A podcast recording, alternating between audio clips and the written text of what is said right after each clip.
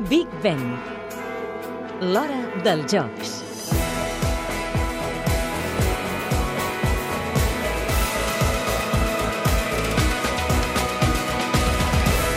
Els londinencs encara tenen al cap l'atemptat en el metro l'estiu del 2005, que va causar més de 50 morts i prop de 700 ferits.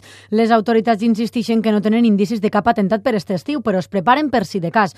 42.000 persones entre militars, policies, agents privats i voluntaris vetllaran per la seguretat durant els Jocs Olímpics. James Brockenshire és el secretari d'Estat de Seguretat del govern anglès.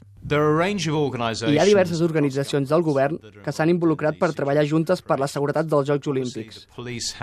La policia, per exemple, tindrà un paper principal en donar seguretat en els carrers, però els Jocs són un esdeveniment especial i per això les forces militars també tindran el seu protagonisme.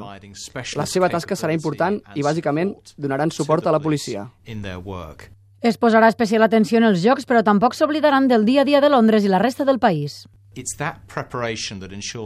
Ens hem preparat especialment per als Jocs, però no podem oblidar les necessitats del dia a dia. La seguretat dels carrers a Londres, d'arreu del país i d'altres serveis que no estan directament relacionats amb els Jocs. I això vol dir que ens hem preparat i entrenat bé.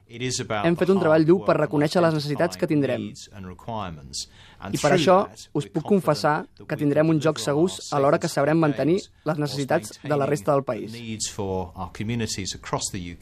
L'operació Exercise Olympic Guardian, que es va dur a terme fa alguns dies, va incloure proves del sistema de míssils sobre els sostres de sis edificis pròxims al Parc Olímpic, vols d'helicòpters i un avió especialitzat i el desplegament del vaixell de guerra HMS Ocean pel riu Tàmesi.